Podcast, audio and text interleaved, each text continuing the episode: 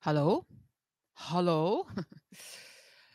Eh, ik heb geen koptelefoon op, dus ik moet even van jullie horen of ik te verstaan ben. Anders kunnen we niet verder. Weet je nog, vorige keer, wanneer was het? Donderdag. Toen ging het niet helemaal lekker. Dus we gaan het eerst even controleren. Ben ik te verstaan? Is het volume goed? Geen kraakjes op de lijn? Hebben jullie geen last van de ventilator? Die heb ik even aangezet. Uh, als zo ja, dan, uh, dan zet ik hem even uit. Ik heb ook nog deze natuurlijk. Eigenlijk ook hartstikke fijn, maar die is misschien een beetje irritant voor jullie. Lieve mensen, kom gezellig binnen. Ik zie veel bekende namen weer. Bakkie, drinkers, gezellig op deze maandagochtend 11 september. Uh, sound is oké. Dankjewel, Norby. Hallo Wijnand, Patrick, Robert, Alexandria. Die foto lijkt meer op een chocolade, choc chocolate mokka-ijsje. Ja, nou, het is een foto van een filter. een filter van filterkoffie. Werd niet helemaal duidelijk. Ik heb nog steeds een beetje moeite met de foto's mooi uploaden op YouTube. Er zit heel veel kwaliteitsverlies in. Dus ik moet me eens even gaan verdiepen in een beter programma om dat mooi te krijgen.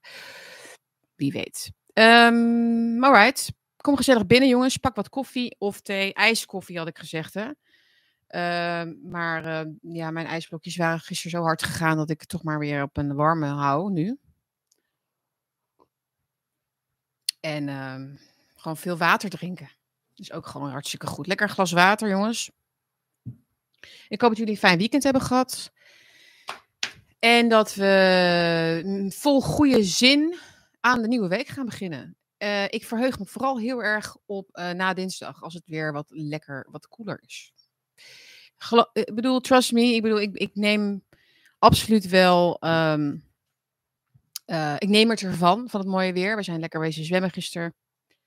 En dat is natuurlijk heel fijn om nog even zo'n nazomer te hebben, maar het is, het is wel erg warm. Voor als je wil slapen s'avonds.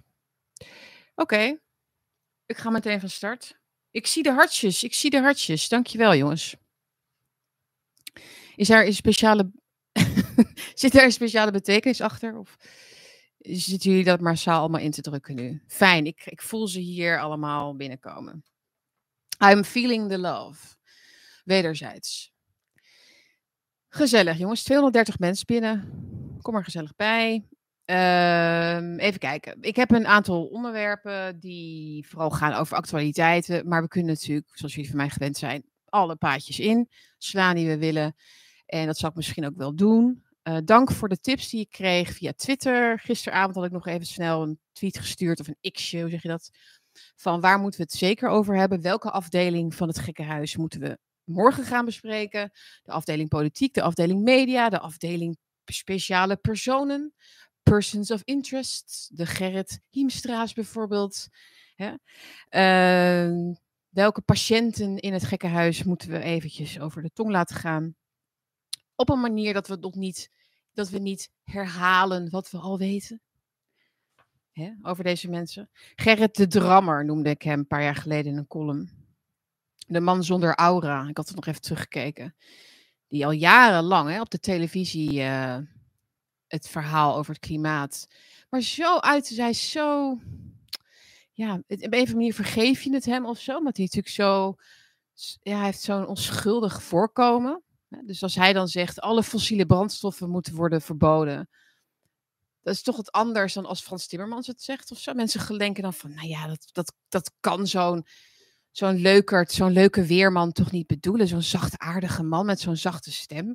Hij kan dat toch niet letterlijk bedoelen dat we allemaal van de fossiele brandstoffen af moeten. Maar hij zegt het wel. En ik geloof ook dat deze mensen het daadwerkelijk menen. Alleen zij, hun ideologie heeft geen verbindingsstuk meer met de realiteit. Dit is eh, wat je heel letterlijk, denk ik, moet nemen. Wij moeten dat dus heel letterlijk nemen. Zoals zij het ook heel letterlijk nemen. Dus letterlijk nemen dat er geen er is geen samenspraak in het brein tussen het vinden van iets, een mening hebben. Hè? Dus ik vind bijvoorbeeld dat, um, dat iedereen in de wereld vrij moet zijn om te zijn wie die wil zijn. Ik zeg maar wat, hè? is heel algemeen. En als ik dan iets zie wat daar dus tegen indruist in de werkelijkheid, dan denk ik, daar moeten we dus aan werken bijvoorbeeld. Maar dan, mensen als Gerrit Hiemstra kunnen dat niet. Die hebben hun ideologie en de werkelijkheid volledig van elkaar gescheiden. Dus de consequenties van het opheffen of het wegdoen van fossiele brandstoffen, omdat het zou gaan over luxe of zo, eh, eh, dat de gevolgen daarvan, die je in drie denkstappen gewoon heel makkelijk kunt uitwerken, die heeft hij dus niet in zijn hoofd. Ik denk niet dat hij dat snapt. Misschien ook wel. Misschien kan het hem niet schelen. We kunnen uiteindelijk natuurlijk geen gedachten lezen bij mensen. Wat mij trouwens, en dat vergeet ik vaak te zeggen daarover, mij opvalt, is, of wat tekenend is misschien, is bij uh, dit soort uitspraken en de mensen die ze doen, is dat als je ze zou vragen op de man af van heb jij besef van de consequenties, dat je nooit een echt antwoord krijgt. Heb je dat door? Als ze die vraag al zouden krijgen, en die, is hem, die wordt natuurlijk ook wel gesteld. Dus bij NPO Radio 1 was er ook iemand die zei van nou ja, dat zou toch wel heel veel consequenties hebben. Dan krijg je nooit een antwoord. Nooit een antwoord daarop. Gerrit Hiemstra. Dus, waar, uh, dus ik, nou, ik heb het nu al besproken. Uh, verder zag ik nog beelden van Biden, nog even daarover. Iemand zei, wil je het over Rubiales kus hebben? De kus van de bondscoach, de Spaanse bondscoach, uh, aan een van zijn spelers. En dat is een heel eigen leven gaan leiden. Dat verhaal heel erg tekenend, denk ik, voor deze tijd. Elon Musk ligt onder vuur. Hè? Die wordt nu verweten dat hij Oekraïnse kinderen um, de dood in heeft gejaagd. En even kijken, wat, nog, ik nog meer? Nog meer, ja, Extinction Rebellion natuurlijk. Hè? De... ik wou zeggen de demonstratie, maar goed. Het eh, GGZ-uitje. Het GGZ-uitje op de A12 Um, goed, ik neem nog even een slok koffie. Nog even wat huishoudelijke dingen. Ik vergeet het helemaal. Uh, like en deel deze uitzending. En abonneer je alsjeblieft op het kanaal. Helpt mij heel erg voor de zichtbaarheid. Um, er is iets met YouTube aan de hand. Op het moment dat je dus geen reclames um, aanklikt. Dus op, als het goed is, krijgen jullie geen reclames te zien bij mijn uitzendingen, maar dat schijnt toch af en toe wel zo te zijn. Dus dat YouTube toch reclames toont, daar heb ik dus geen controle over. Dus dan weten jullie dat. Dan vraag je misschien af, ja, waarom zet je dat dan niet gewoon aan? Nou ja, omdat ik uh, het gevoel heb dat ik bij het aanzetten ervan sneller wordt geshadowband en sneller weg wordt gemaakt eigenlijk in de, in de suggesties die mensen krijgen voor uitzendingen. Uh, dat is ervaring. Dus dat is na drie jaar dat je weet van, oh ja, als ik hem aanzet, dan stijgt hij eigenlijk minder snel in de, in, de, in de views. Dus ik zet hem uit, dus ik verdien dus ook niet uh, met reclame. Ik, verdien dus niet aan reclameinkomsten. En um, ik, vind het ook, ik vind het ook storend voor jullie. Uh, de reclames. Dus het spijt me als die toch af en toe voorbij komen. Um, jullie kunnen ook mij post sturen via Bakkie met Bergsma, postbus 1200 Anton Dirk in Hilversum. En ik heb een hele leuke brief gekregen afgelopen week. Uh, even kijken, die ik eruit heb gelicht. Het is niet veel nu, het is ook een beetje, een beetje de tijd van het jaar misschien. Ik hoop natuurlijk dat jullie mij wat vaker gaan, wat gaan sturen. Uh, even kijken. Deze prachtig geschreven brief vond ik erg mooi. Ik zal er misschien even zo wat uit. Aan het einde doe ik dat wel uh, eventjes wat uit. Uh, een paar zinnetjes uit uh, voorlezen. Er zaten ook hele mooie quotes bij, inspirerende quotes. Hou ik ook heel erg van. Missen natuurlijk niet al honderd keer hè, overal voorbij komen en iedereen ze wel kent. Hè, Carpe diem of zoiets. Want dat doen we toch allemaal. Pluk de dag. Maar gewoon, uh, ik vond dit, laat ik dan toch eentje noemen even, die ik wel grappig vond. Uh, en misschien op, van toepassing is op mij nu. Even kijken hoor, waar had ik hem nou? Titi, Ondertussen doe ik even zo. Dan kunnen jullie misschien eventjes een slokje nemen of een neus snuiten. Oh nee, dat is natuurlijk nu niet. Oh ja, minder, minder moeite geeft altijd een beter resultaat. Minder moeite doen. Ja en nee. Ja en nee. Er is een punt, als je iets kan, denk ik, dan is er een toestand uh, waarna je in een flow kunt zitten en niet meer hoeft te overdenken. Dat is volgens mij hoe het werkt. Maar je moet tot, om iets te kunnen, moet je eerst heel veel moeite doen om iets te kunnen. En daarna moet je het minder, minder moeite doen. Minder moeite doen. Ik heb dat, altijd, dat gevoel altijd een beetje bij, uh, bij Thierry Baudet. Die kan, die heeft een uh, uh, enorme talenten. Netwerktalenten. Hij kan natuurlijk heel goed eh, spreken, hè, speeches houden. Maar hij blijft maar heel veel moeite doen hè, in het moment. Of zo.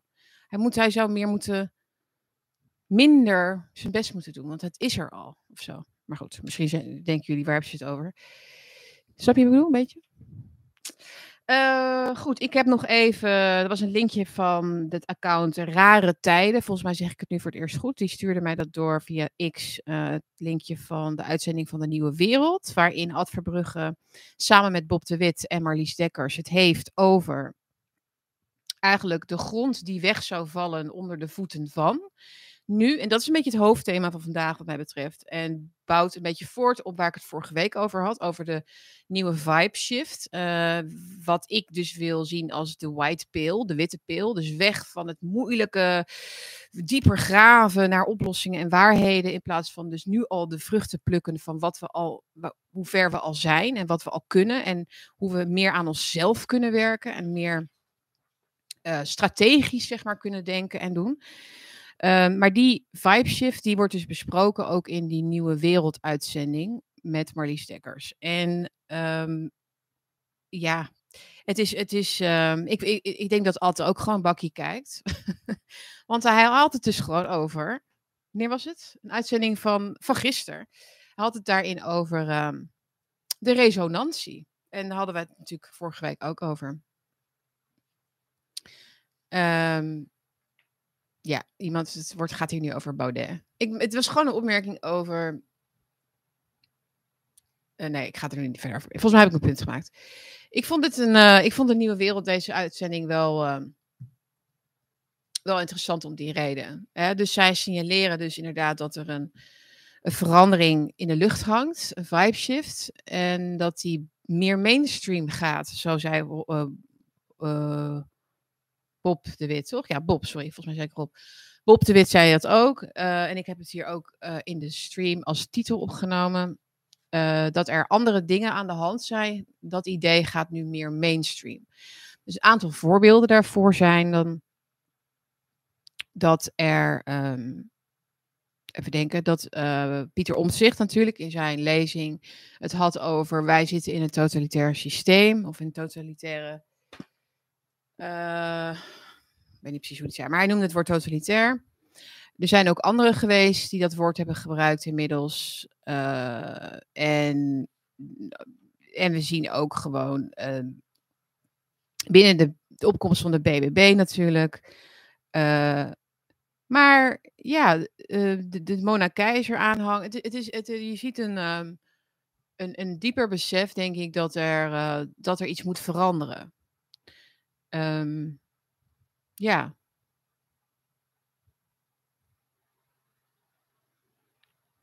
Iemand zegt, je bent echt een vrouw, praten en ondertussen de comments lezen. Ja. Ik weet niet of dat per se iets goeds is. ja. Um, nou, ik, ik, ik Ad zit natuurlijk heel erg, Ad Verbrugge, uh, overigens een vriend van mij, die, die zit erg tussen natuurlijk het mainstream en het wakkere deel in. Hij zet, oh, hij zet voor, alle geluiden open, hè, dus hij nodigt ook Bob de Wit uit. Eigenlijk nodigt hij iedereen uit uh, binnen de alternatieve uh, media of binnen al het alternatieve wetenschap, alternatieve journalistiek. Iedereen komt aan bod. En met het idee dat er constructief gesprekken worden gevoerd. Wat ik goed vond, wat hij zei is uh, wat wij hier doen bij de Nieuwe Wereld, is uh, de woorden eigenlijk, hij zei niet precies zo, maar de woorden, de woorden of de, de, de taal eigenlijk creëren waarbinnen mensen dus kunnen praten over deze tijd.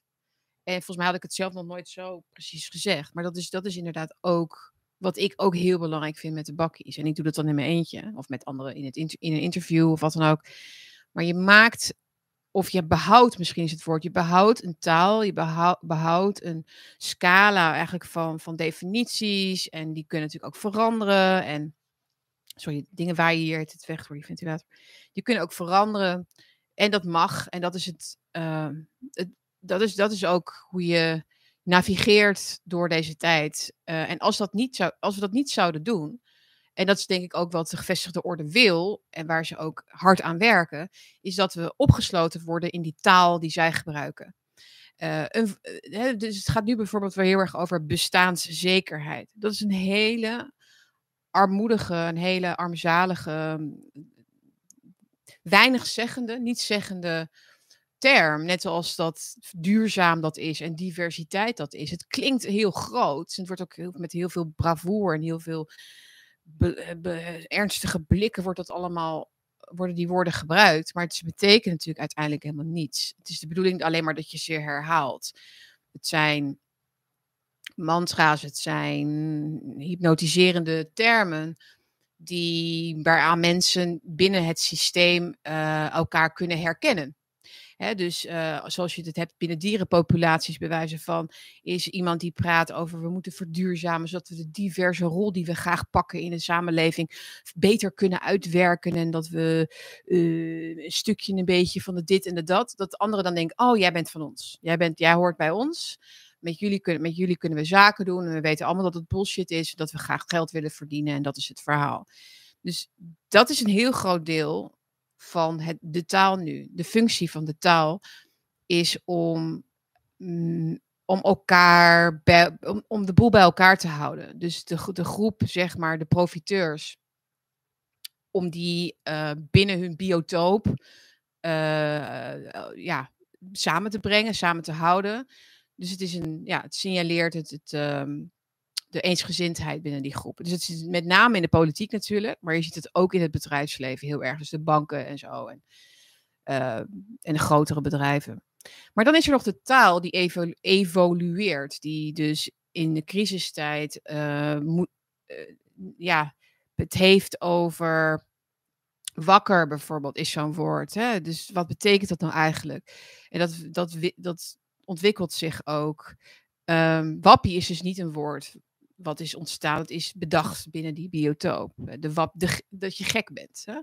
Daar zit ook een element in van niet gek. Dus we zeggen niet letterlijk dat jullie gek zijn, maar we maken er een soort karikatuur van. Dus het is een soort ha ha ha gek. Dus we lachen jullie ook uit. Er zit eigenlijk alles in jullie zijn gek en we lachen jullie uit. Um, en het is een woord wat heel erg blijft hangen en je komt er ook niet meer van af of zo. En dat is natuurlijk dat, de kunst ervan. Um, maar we hebben ook andere woorden uit het verleden die dus weer opkomen, zoals totalitair bijvoorbeeld. En dat is dus een woord wat binnen de biotoop van de gevestigde orde, hè, wat van binnen de journalistiek met name, enorm veel vrevel geeft. En mensen worden daar heel boos van. Als je totalitair zegt, dan, uh, dan krijg je bijvoorbeeld, wat was het nou? Die Elin, Elin Bilic of zo. Zij is publiciste voor NRC. Ik heb haar nog nooit iets zinnigs horen zeggen. Ze zit ook wel eens bij WNL. Echt totale, totale nitwit.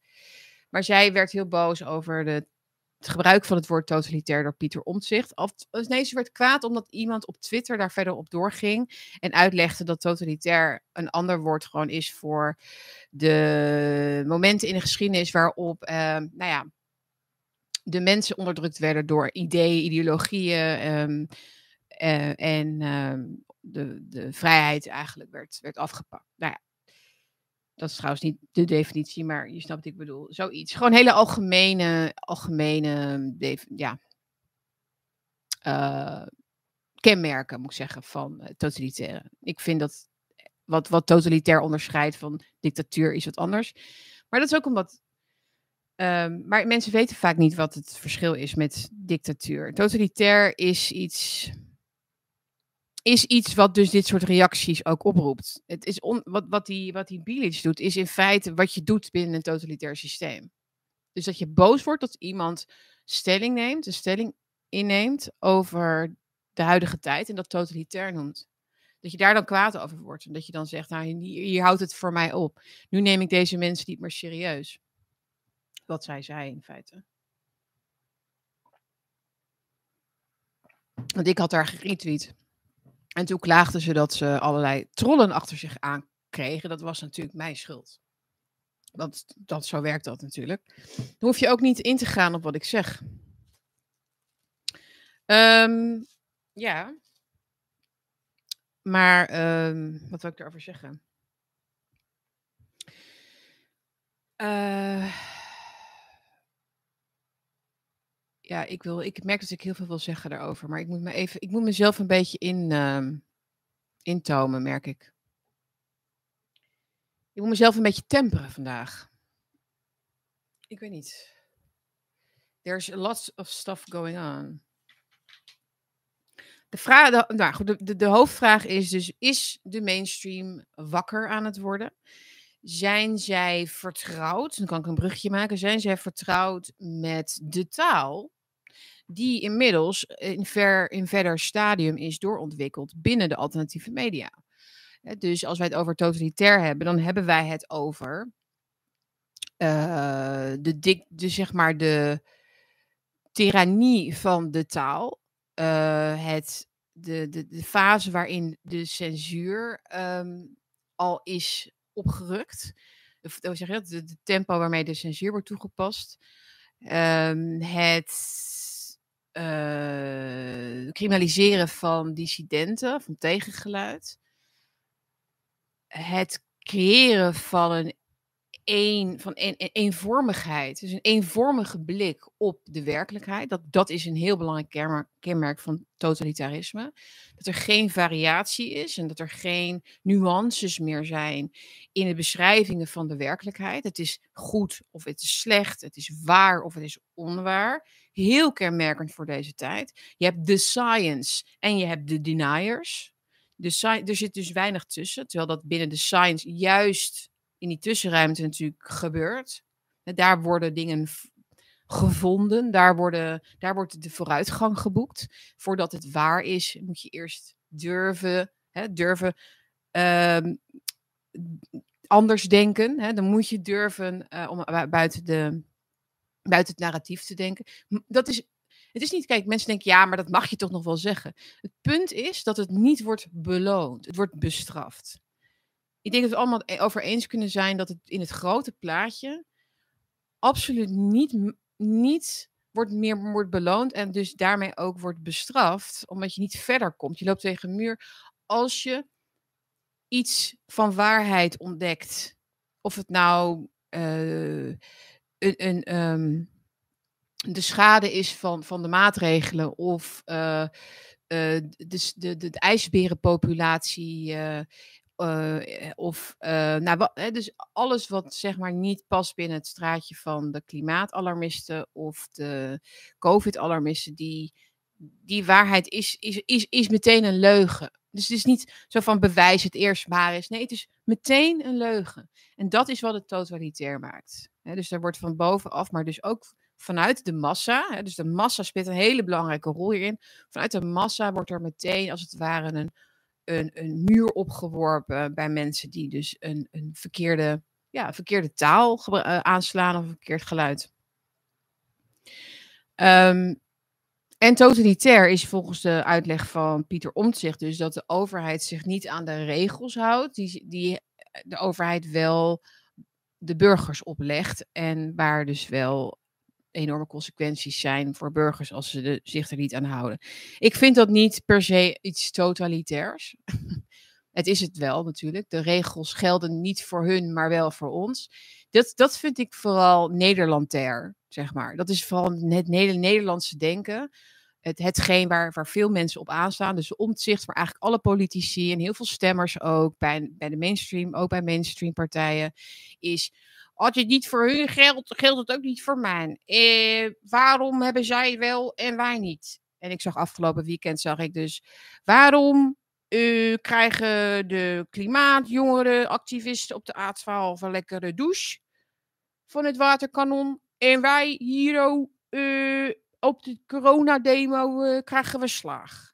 Sorry als ik een beetje raar. Maar heb je dus um, de hypocrisie, hè, dat, is, dat is het he uh, heel, uh, ligt heel gevoelig. Dus waarom houdt de overheid zich niet aan de regels en moeten wij dat wel? Dat is Pieter Omtzigt zijn grote punt natuurlijk. Ze houden zich niet aan hun eigen regels. Maar ik vind dat een veel te beperktere kijk. Ik vind, denk dat je dat veel breder en groter moet zien. En dat je ook niet moet denken je moet niet denken in termen van een falende overheid of een overheid die meer bescheiden moet zijn of een overheid die zijn eigen regels moet naleven zodat er meer vertrouwen is. Nee, ik denk dat het systeem kapot is en ik denk dat de overheid helemaal niet bezig is met niet falen. De overheid is niet bezig met uh, mensen, het voor de mensen beter maken. Het, de overheid is een systeem, het is gebaseerd op mechanistische uh, ideologieën. Hè? Dus het, uh, het, perfectioneren van uitkomsten, modeldenken, ehm, zichzelf in stand houden, dus problemen creëren zodat er oplossingen bedacht kunnen worden. Is algemeen bekend. Dat is de overheid. Die kun je niet falen toerekenen. Het impliceert dus dat er dat, dat een, slechts een ja, een verkeerde afslag is of zo, of een verkeerde mindset is. De mindset is er om door te gaan als er geen tegenwicht is, als er geen tegenmachten zijn. Dus Pieter Omtzigt zou moeten zeggen, het systeem um, wordt niet meer met checks en balances voldoende tot uh, bedwongen. Hè? Dus we moeten het meer bedwingen, we moeten het kleiner maken. Ze moeten, we moeten het geen menselijke eigenschappen geven als bescheidenheid of zoiets. Want dat, dat, er komt niet een inzicht. Uh, de overheid kan niet inzicht hebben in zichzelf. Dat, dat, is, dat is gewoon niet zo. Waarom, waarom is, ik weet het niet, waarom dat zo hardnekkig, uh, waarom het zo hardnekkig leeft altijd, dat het uh, wel zo is. Stokje water. Wat is het warm, jongens? Nu al. Oeh, alright. Hoe is het met jullie? Um, ja, ik kreeg veel reacties trouwens wel op uh, vorige keer over omzicht. Dat ik niet echt streng genoeg was op hem. Um, uh, ik denk wel dat hij mensen losweekt van mainstream partijen, dus van de VVD, en mensen weghaalt uit het linkse comfort. Dus daar ben ik gewoon heel blij mee. Dat is beter dan wat het was. Het zet mensen in beweging, het verandert iets. Je creëert inderdaad meer een vibe shift. Mensen moeten iets harder werken om hun meningen um, hè, te vormen. Dus ze krijgen ze niet allemaal cadeau meer. Het is wel zo van, oh, maar wacht eens even. Hoe denkt die en zo en waar sta ik? Dus er iets, er, mensen moeten harder gaan werken nu om zichzelf uh, te plaatsen binnen bepaalde hokjes, denk ik je zeggen, ja, wat kopen we daarvoor? Ik weet het niet. Maar het is meer dan het, nou ja, ik ben gewoon links. Ik, ik, stem uh, P van de A. Dat is niet meer. Dus dat is heel gunstig. Maar ik ben het inderdaad met jullie wel eens dat omzicht. Uh, dat, laat ik het bij mezelf houden. Ik maak me zorgen over zijn. hoe realistisch hij is en of hij niet inderdaad ook denkt dat hij met door mee te werken eigenlijk aan de WEF-agenda, toch? Daar, daar is hij natuurlijk niet transparant over. Uh, maar dat hij dan meer voor elkaar kan krijgen. En dat zijn geloof in de goedheid van de mensen. Al daar. En dat we dat de kont tegen de krip, daar, dat, daar bereik je niks mee. Dus laat ik maar gewoon zoveel mogelijk meedoen. Uh, zodat ik dan mensen kan overtuigen of zo. Weet je, een beetje dat, dat, dat slappen. Dat denk ik. Hetzelfde een beetje als wat uh, Caroline doet van haar plas natuurlijk. Um, Oké.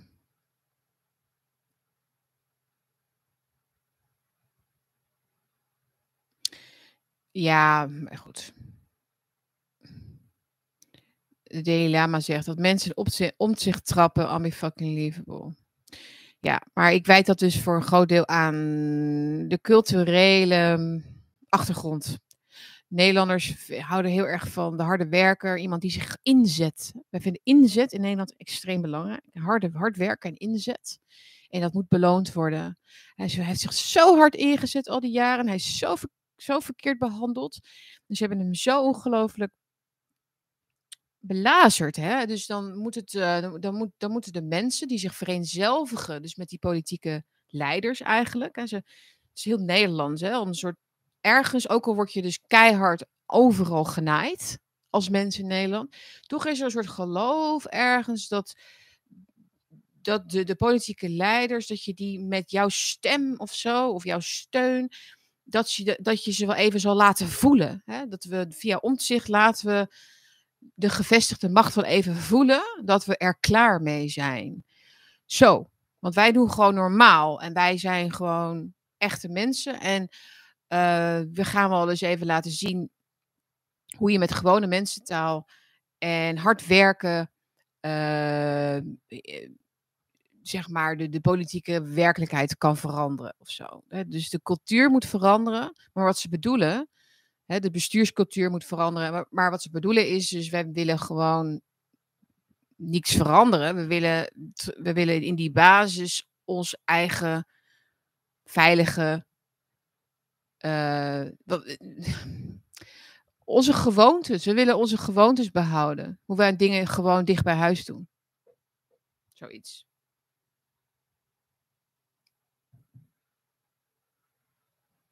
Iemand zegt, zien jullie niet in dat, opzicht, in dat, in dat omzicht strategisch bezig is en niet zoals FVD alles en iedereen tegen zich in het harnas werkt en vervolgens niets meer voor elkaar krijgt?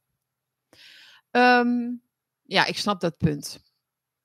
Ja, ik zie inderdaad in het, in het strategische, de vraag is, is, is dus of dat strategisch is, maar dat ze het makkelijker maken voor het electoraat om zich los te maken uit hun kliekjes, uit hun linkse, wat ik net al zei, gewoontes, uit hun, uh, ja, uh, ik, ik, ik, ik denk dat dat wel een winst in zichzelf is, zoals ik net ook al zei. Maar of dat inderdaad die vibe shift gaat, of we dat dan daarmee gaan redden, is, dat is een ander verhaal. Dat denk ik niet. Want wordt de mainstream nu wakker, zoals um, Bob de Wit dus en Ad Verbrugge in die uitzendingen zeiden? Um, of zoals ze letterlijk zeiden, van mensen hebben door dat er andere dingen spelen. Beter laat dan nooit. Maar goed, ze hebben nog een inhaalslag te maken natuurlijk.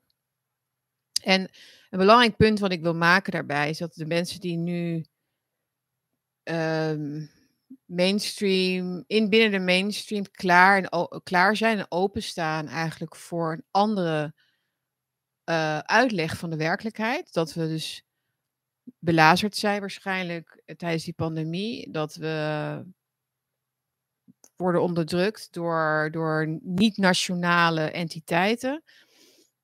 Uh, dat ze leren wat het WEF is, dat ze leren wat de EU is, wat, wat, wat er in Oekraïne gebeurt.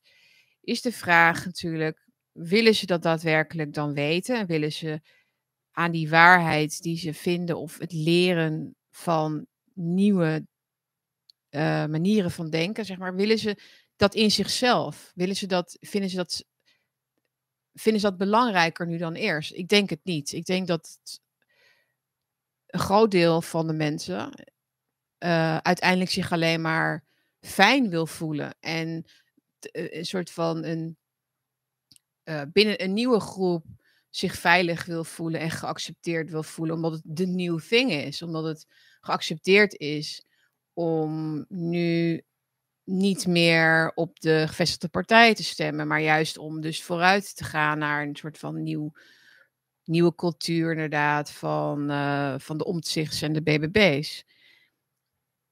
Um, en ik denk dat het een besef is wat, we, wat je heel veel verder helpt om zo te kijken naar anderen, is dat waar, waar jij misschien uh, veel belang hecht aan de waarheid en aan leren, uh, is dat voor heel veel mensen helemaal niet zo. Die willen zich gewoon, ja, die willen gewoon, die veranderen, die veranderen van mening als, het, als dat op dat moment het beste is voor ze. Snap je wat ik bedoel? Dat vond ik ook, dat zag ik ook in deze brief die ik dus kreeg. Um, dit is een brief van F die ik kreeg. Prachtige handschrift ook trouwens. Heel uniek handschrift. Het is op een heel dun velletje, maar prachtig geschreven. Um, en die persoon zegt dus: uh, zelf wil ik vooral onderzoeken en experimenteren met wat werkelijk is. Ik bedoel, iedereen worstelt met tijd, geld, macht, aandacht, zorgen, angsten, relaties enzovoort. Maar het zijn allemaal afgeleide zaken. Het is niet de kern, niet de essentie. Voor mij draait alles om bewustzijn. Zoals ik net al schreef, de hele wereld bestaat voor mij slechts als iets dat ik in mijn hoofd ervan gemaakt heb. Ik weet niet hoe de wereld er werkelijk uitziet. Ik weet niet wat ik over het hoofd heb gezien, welke conclusies ik verkeerd heb getrokken enzovoort. Ik kan daar slechts af en toe glimpen van opvangen en proberen uit die schaarse inzichten een nieuw wereldbeeld op te vangen. Hij zegt, of zij, ik weet niet of het hij of zij is, de rest van mijn leven wil ik mijn tijd en energie besteden aan het veranderen van mijzelf. Deze brief is eigenlijk in tegenspraak met het voornemen, of misschien ook niet, omdat het leven nou eenmaal mysterie is, vol paradoxen of schijnbare paradoxen. Ja, dus, dus staat, je kunt eigenlijk alleen maar uh, je energie en je tijd in jezelf steken en accepteren nu, na al die jaren van leren, um, uh, dat, ja, dat je geen invloed hebt eigenlijk op die groep die dat anders ziet, die dus een andere motieven heeft om door te gaan. Even kijken hoor. Uh, even kijken. Oh ja, ik wil niet geloven, ik wil leren. Volgens mij is dat bij jou ook het geval. En er zijn relatief weinig mensen die dat echt willen. Al helemaal mensen die een publiek leven leiden. Ja, klopt. Nou, heel mooi. Dit zijn de game changers. Hè? De, de, de perspectief veranderen, mensen. Helaas, het is het enige waar je invloed op hebt. Perspectief veranderen op waar we in zitten. Waar heb je meer invloed op? Jezelf of de buitenwereld?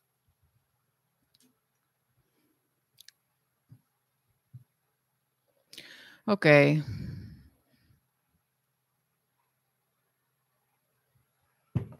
Maar ik ga even weg nu van die uitzending van, van uh, de Nieuwe Wereld. Ik wil even mijn eigen ideeën erover nog met jullie delen. De mainstream zal inderdaad meer openstaan voor de andere dingen die er spelen. En, uh, maar er is iets anders. Er, zijn een aantal problemen waardoor dat denk ik um, het effect daarvan niet heel groot zal zijn. Of niet misschien in de richting zal gaan waarop wij hopen dat het gaat. De voor's en tegens. Ik denk dat bijvoorbeeld die acties van Extinction Rebellion heel veel mensen uh, wakker zal maken in die zin. Omdat ze een grotere hekel gaan krijgen aan het extreme aan de linkerzijde. Omdat ze het gaan voelen. Omdat ze in de file gaan staan omdat ze gaan zien dat alle aandacht uitgaat naar deze mensen. Uh, hun, hun zorgen, hun, ja, hun, narcistische gevoeligheden. De Carice van Houtens die aangehouden worden, daar gaan alle krantenstukken over. En dat gaat veel meer vrevel geven dan tot nu toe het geval was met extreem linkse acties. Omdat we gaan zien dat het disproportioneel is. En dat ze natuurlijk ook dat is de volgende stap, in feite vragen, schreeuwen om het beleid wat de overheid al uitrolt. Dus ze zijn niet meer inderdaad dan de, de rode garde van, eh, de, van Mao. Ze zijn niet meer eh, dan de loopjongens, zoals Antifa dat ook is van de macht. Ze roepen om datgene wat de overheid natuurlijk alleen maar graag wil. Ze willen dat extreme aan die kant zodat zij iets minder extreem beleid makkelijker kunnen doorvoeren. En dan lijkt het alsof ze hebben geluisterd naar mensen en met name natuurlijk naar jongeren, want dat is altijd mooi voor je imago als overheid. Ze hebben geluisterd naar de jongeren. Ze zullen natuurlijk niet precies doen wat ze willen, maar we gaan jullie een beetje tegemoet komen. Weet je wat we gaan doen? We gaan inderdaad minder fossiel doen. Dan gaan we subsidies geven aan al die elektrische dingen en zonnepanelen en windparken en andere hobby's. Waar Gerrit Hiemstra heel rijk van wordt en wij ook en iedereen, behalve jullie. Maar dat maakt niet uit, want de jongeren die moeten hoop hebben en die moeten geloven in een goede zaak. Dat is belangrijker dan een studie kunnen betalen en een huis later en een gezin kunnen stichten. Want dat soort burgers, daar hebben we niks aan als overheid. Hè. Gelukkige gezinnen, families en structuren en mensen die goed lekker in een vel zitten en niet bang zijn de hele dag en slecht slapen door allerlei externe ingebeelde vijanden. Da dat zijn uh, burgers die, die ons maar overlast geven. De overheid denkt zo, denkt of kijkt zo naar burgers. Dat is overlast. Dus uh, mentaal gezond zijn en uh, kritische vragen stellen is overlast. Deze jongeren zijn mentaal gebroken. Dus ik heb eens even gekeken op het beeld hoe, wat voor soort types daar rondlopen. Ja, het is wat ik al zei, het begin een GGZ-uitje. Ehm ja, en hetzelfde verhaal als, um, als Gerrit Hiemstra zelf. Hè? Dus het geloven dat, je, dat alles, dus alle, ja, het, het, het, andere mensen het leven zuur maken, dat dat gerechtvaardigd is, omdat jouw leed uiteindelijk niet te omschrijven zo groot zal worden in de toekomst. Dus, dus dat is, dan maak je dus die, die, jongeren die worden, als ze het al niet waren, uh, die worden die krijgen een soort heel narcistische blauwdruk eigenlijk op hun ziel gelegd. Hè? Dus een, dat is, dat is van, van waaruit ze alles gaan bekijken in hun leven. Uh, de mensen om hen heen worden, zijn de overlastgevers per definitie. Baby's in kinderwagens, maar ook, weet je wel, gewoon iedereen is in potentieel gevaar voor hun ego dus de ego op de voorgrond. Het ego op de voorgrond. Dat zie je ook bij die transgender um, ideologie. Het ego op de voorgrond. Zodat je niet meer bezig hoeft te zijn met, het, met, met je, je goede en je slechte kanten een beetje met elkaar in balans te brengen. En je als individu, individu verantwoordelijk op te stellen. En iets te maken van je leven. Want de omgeving moet veranderen. De omgeving en de overheid moet veranderen. Dat is de boodschap.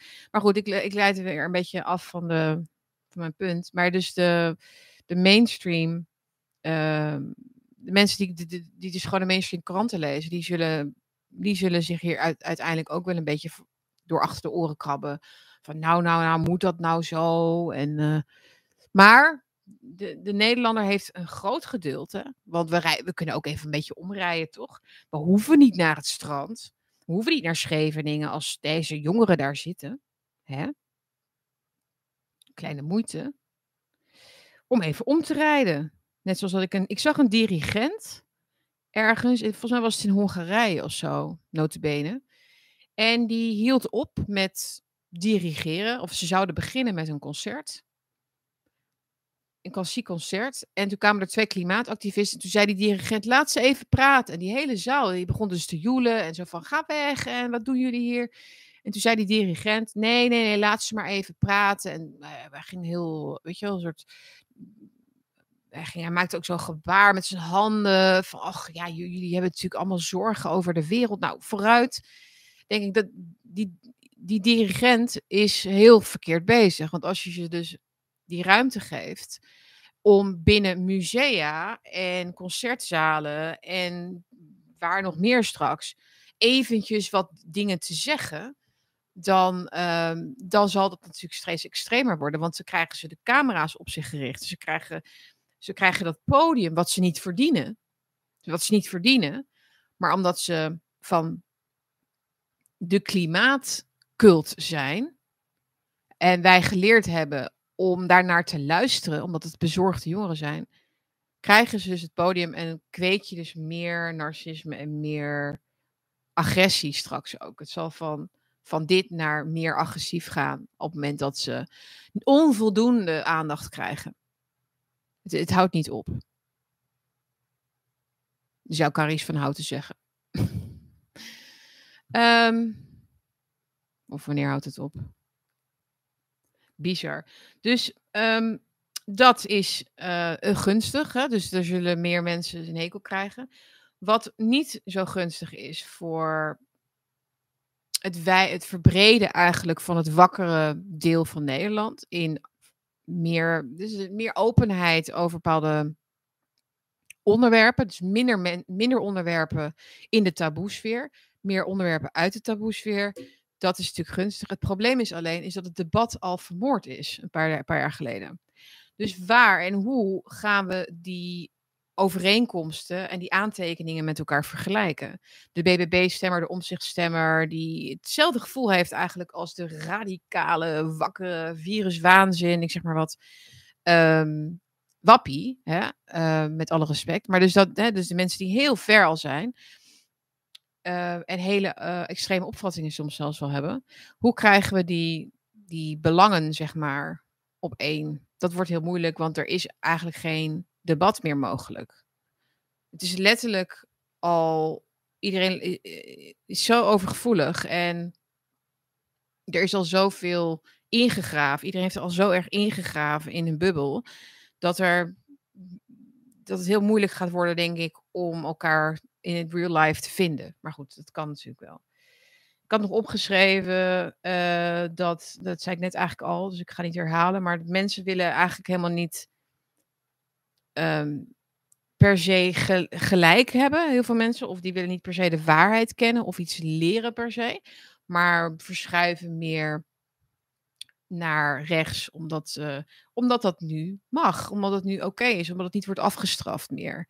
Dus het is eigenlijk hier opportunistisch. Heel veel mensen hebben gewoon opportunistische redenen om naar rechts te gaan. Zoals ze ook opportunistische redenen hadden om te blijven zitten in coronatijd in hun vertrouwde politieke opvattingen. Zoals, nou ja, Rutte zegt het, dus ik volg hem. Hè? Dus dat is opportunistisch en dat zal ook zo blijven waarschijnlijk. Dus verwacht niet een soort, um, oh, wij zijn nu uh, ook medestrijders uh, of wat dan ook. Ik denk dat dat helemaal niet gaat gebeuren. Um, en ik denk dat we het uh, gewoon sowieso moeten afwachten wat omzicht nou werkelijk van plan is. Want ik vond zijn speech over dat totalitair. Want hij, als je goed luistert naar hem, zie je dat hij het alleen maar gebruikt als een metafoor. Dus al die ophef erover was volledig onterecht. Want het was duidelijk een metafoor. Want hij zei het, het is, hè, we leven in een totalitair systeem. Um, maar daarna ging hij eigenlijk niet in op waarom dat zo is. Het is meer een voor effect. Voor, voor effect zei hij dat. Dat. Ik denk dat je dat heel. Ik denk dat dat redelijk accuraat is, als ik dat zo zeg. Maar dat is dus zelfs al. Um, ligt al gevoelig. Maar goed. Uh, dat, wat wil ik daar nog over zeggen?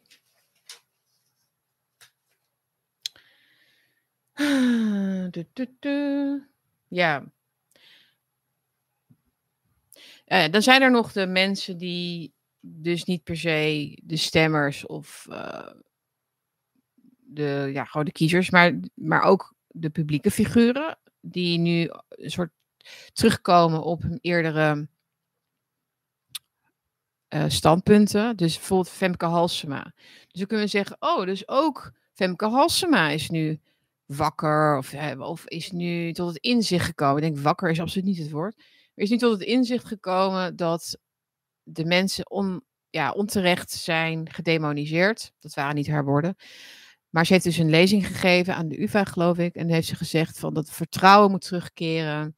En we hebben mensen in de coronatijd onterecht weggezet. Uh, critici onterecht weggezet.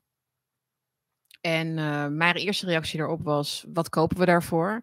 En mijn tweede reactie was: ik geloof helemaal niet dat deze mening van haar nu uh, duurzaam is, of, hè, om het woord te gebruiken, of dat zij niet weer opnieuw zal veranderen van gedachten op het moment dat de druk op haar wordt gezet om weer opnieuw demonstraties te verbieden van overheidscritici of uh, achter de schermen beslissingen door te drukken en één tweetjes te hebben met, met Rutte of de nieuwe premier, dan zal ze dat opnieuw weer doen. Maar dit is op dit moment de meest opportunistische houding die je kunt hebben als bestuurder, is om een handreiking te doen naar al die mensen die je hebt laten stikken, die je hebt uh, weggedrukt, uh, die je als tweederangs burgers hebt um, weggezet om die een beetje weer binnen te halen, om die een beetje weer tot, tot aan, je, aan, je, borst te drukken, om ze een beetje te, uh, te begrijpen. Weet je, het, het, het, is het letterlijk het grooming verhaal wat je ziet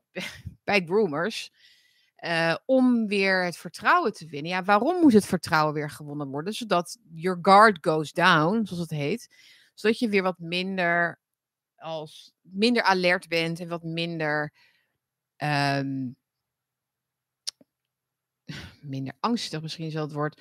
Dat je, dat je wat minder alert bent en minder op scherp staat als het gaat om onze politieke leiders en de mensen aan de knoppen om ze dus te wantrouwen juist. Het wantrouwen is juist het, belangrijkste om nu te hebben en te blijven houden. Geloof maar niet dat ze daadwerkelijk hebben geleerd van de coronacrisis, omdat iets leren zonder verantwoording af te leggen en zonder ook uh, daadwerkelijk uh, handelingen en gedrag te vertonen waaruit, je, waaruit dat blijkt, betekent helemaal niets. Het zijn gewoon woorden. En put your money where your mouth is.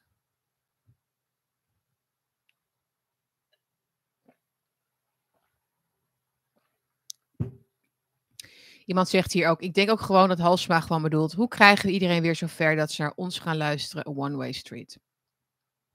Ja, ik denk dat veel reacties binnen de alternatieve media nu, waarin ze blij zijn met al die handreikingen, zogenaamd, van Halsema of andere mensen. Die, oh, je hebt ook de, de trouwombudsman, die het dan heeft over, we hadden beter moeten luisteren en hebben we niet te veel, bla bla bla. Um, het is allemaal een soort eh, van het soort, soul searching en het soort uh, begrip, tonen voor en evalueren en zelfreflectie, wat uh, geen prijs heeft voor hun.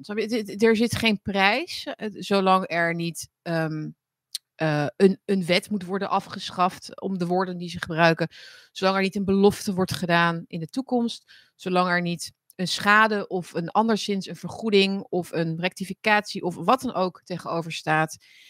Uh, de ondernemers zijn er in ieder geval niet mee geholpen. Alle MKB'ers, alle horecamensen met name natuurlijk, zijn er niet mee geholpen die door corona, door die hele periode, hun uh, hele, ja, al hun bedrijven zijn kwijtgeraakt. Hun geloof, hun in, uh, in het land. Uh, die kopen daar helemaal niets voor. En ook uh, de jongeren die jaren met problemen hebben gezeten en dit mee moeten nemen. Dit trauma, denk ik wel. Misschien vinden jullie dat overdreven. En ik moet daar laatst veel over nadenken. Maar was het niet een trauma ook?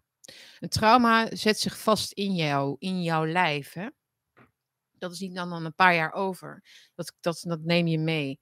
En ik denk dat dat dit voor veel jongeren met name, maar ook voor andere mensen. Het lag een beetje aan de situatie individueel, denk ik, voor iedereen.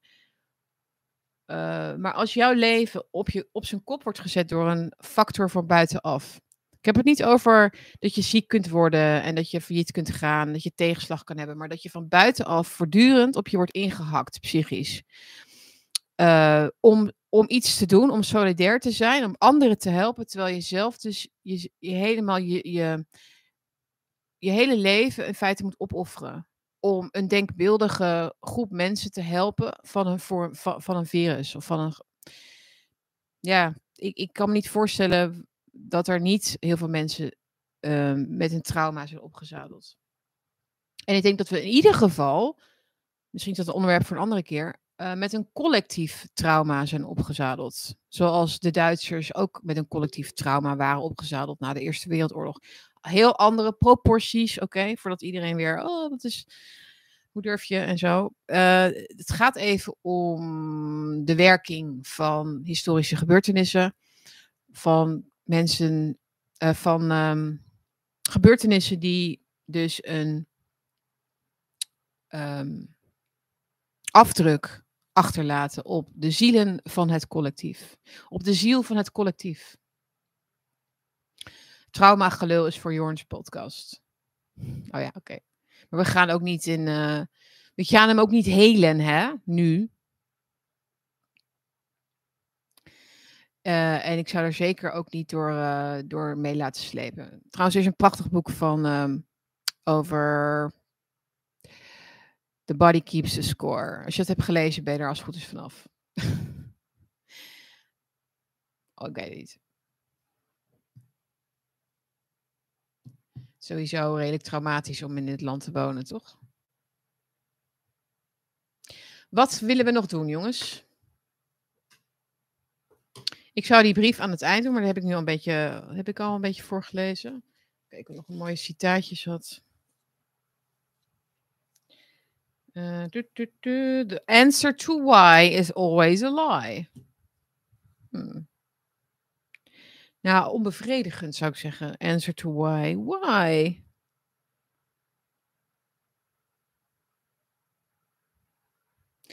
Minder. Nou ja, goed. Leuke, leuke tekstjes. Ik ga het eventjes een mooi plekje geven weer. Dus als je post wil opsturen, kan dat naar postbus 1200 Anton Dirk in... Zo, ik vergeet hem. Postbus 189 1200 Anton Dirk in Hilversum. Bakkie met Bergsma. En dan kom je hier misschien op de plank te staan. Of bespreek ik uh, wat van jullie teksten. Goed. Uh, ik heb het warm. Nog wat vraagjes misschien. Nou ben ik niet toegekomen aan um, Rubiales kus. Bizar. Um,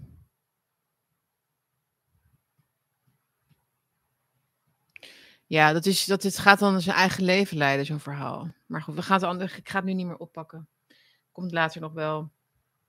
Uh, Biden had ik nog opgeschreven. Ja, die was in Vietnam en die zei op een gegeven moment dat hij naar bed wilde. Alright, ja. Uh, ouderenmishandeling noem ik het. Wat komt er in de plaats voor Biden? Want die kan toch niet nog een maand verder zo? Maar goed, ik weet het niet.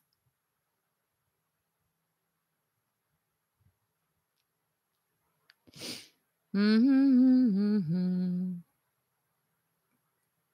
Op wie ga je stemmen? Dat weet ik nog niet. Komt er een bakje boekenclub? Hmm. Ik vind de gedachte heel leuk. Bakje boekenclub. Ik heb het boek besteld van Reframe Your Brain van Adams, Scott Adams. Dus dat wil ik zeker graag met jullie bespreken. Ik denk dat dat echte life hacks zijn. De reframes. Reframe Your Brain. Het is, je kunt echt zoveel veranderen aan je omgeving letterlijk bijna. Ik bedoel, met je eigen gedachten. Door dus naar iets, ander, naar iets te kijken en het dan te, anders te zien. En de, de, de, de belangrijkste lifehack moet denk ik gaan worden de komende jaren, is het wij-zij. het werkt niet, jongens. Het werkt, het levert, als ik naar mezelf kijk, het levert niets op, werkelijk ik, ik, ik weet dat ik mezelf daar heel erg vaak schuldig aan maak. Het, de mensen daar en wij en zij en zo. Generaliseren mag wel. En er zijn ook absoluut kampen hoor. En er zijn bubbels. Ik bedoel, it's real. Het denken binnen de mainstream media is wezenlijk anders. Dat is zonder twijfel. Want er valt niets meer te reframen van de werkelijkheid. Nee, maar wel van je. Je kunt wel zelf anders kijken naar bepaalde dingen. Uh, papa. Alright, jongens. Het is uh, 11 uur.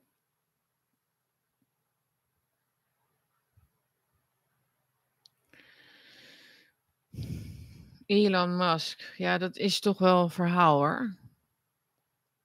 Ook. Ik, ik, ik blijf het volgen. Ik kan er nu eventjes niet heel veel zinnigs over zeggen. Maar het voelt een beetje alsof ze hem ook willen gaan kapot maken. In ieder geval. Of is dat ook maar schijn? Who knows? Zitten wij in de Bergsma-bubbel? Nou, als je het zo voelt, of zou ik dat heel naar vinden?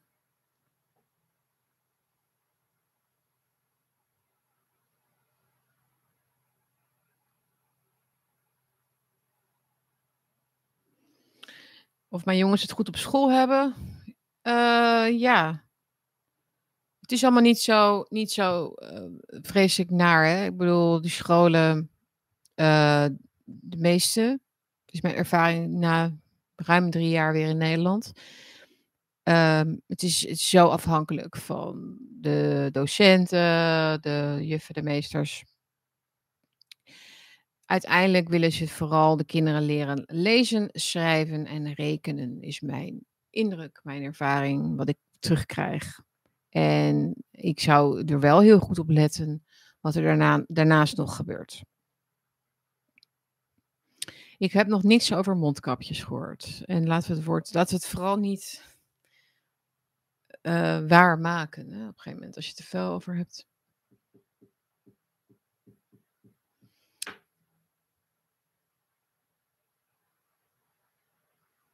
Elon is not your friend. Nee, maar dat hoeft ook niet, toch?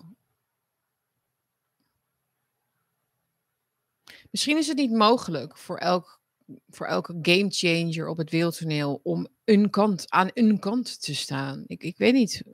Misschien moeten we daar ook anders naar gaan kijken. Ehm. Bijna niemand gelooft meer in mondkapjes. Precies, Alexander, ja. Dat is ook een hele belangrijke uh, gamechanger, denk ik, aan het worden. Daar krijgen we mensen niet meer zo snel mee, denk ik. Hoop ik.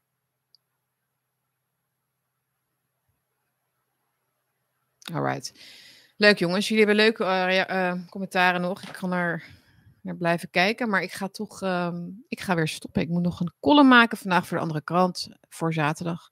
Dus dat ga ik snel doen. Um, als het lukt met die warmte. Uh, het zal wel moeten. En ik zie jullie, als het goed is, waarschijnlijk, hoogstwaarschijnlijk donderdag. Um, dat zijn de vaste dagen waarop ik bakkie doe. Dus maandag en donderdag. En ik hoop er tussendoor ook af en toe even langs te komen. Uh, wie weet, uh, deze week ook. Als er iets aan de hand is of iets, als ik iets kwijt wil, dan zie ik jullie hier. En ik wens jullie een hele mooie week. En tot snel weer. Ciao. Vergeet niet te liken en te delen. Doei doei.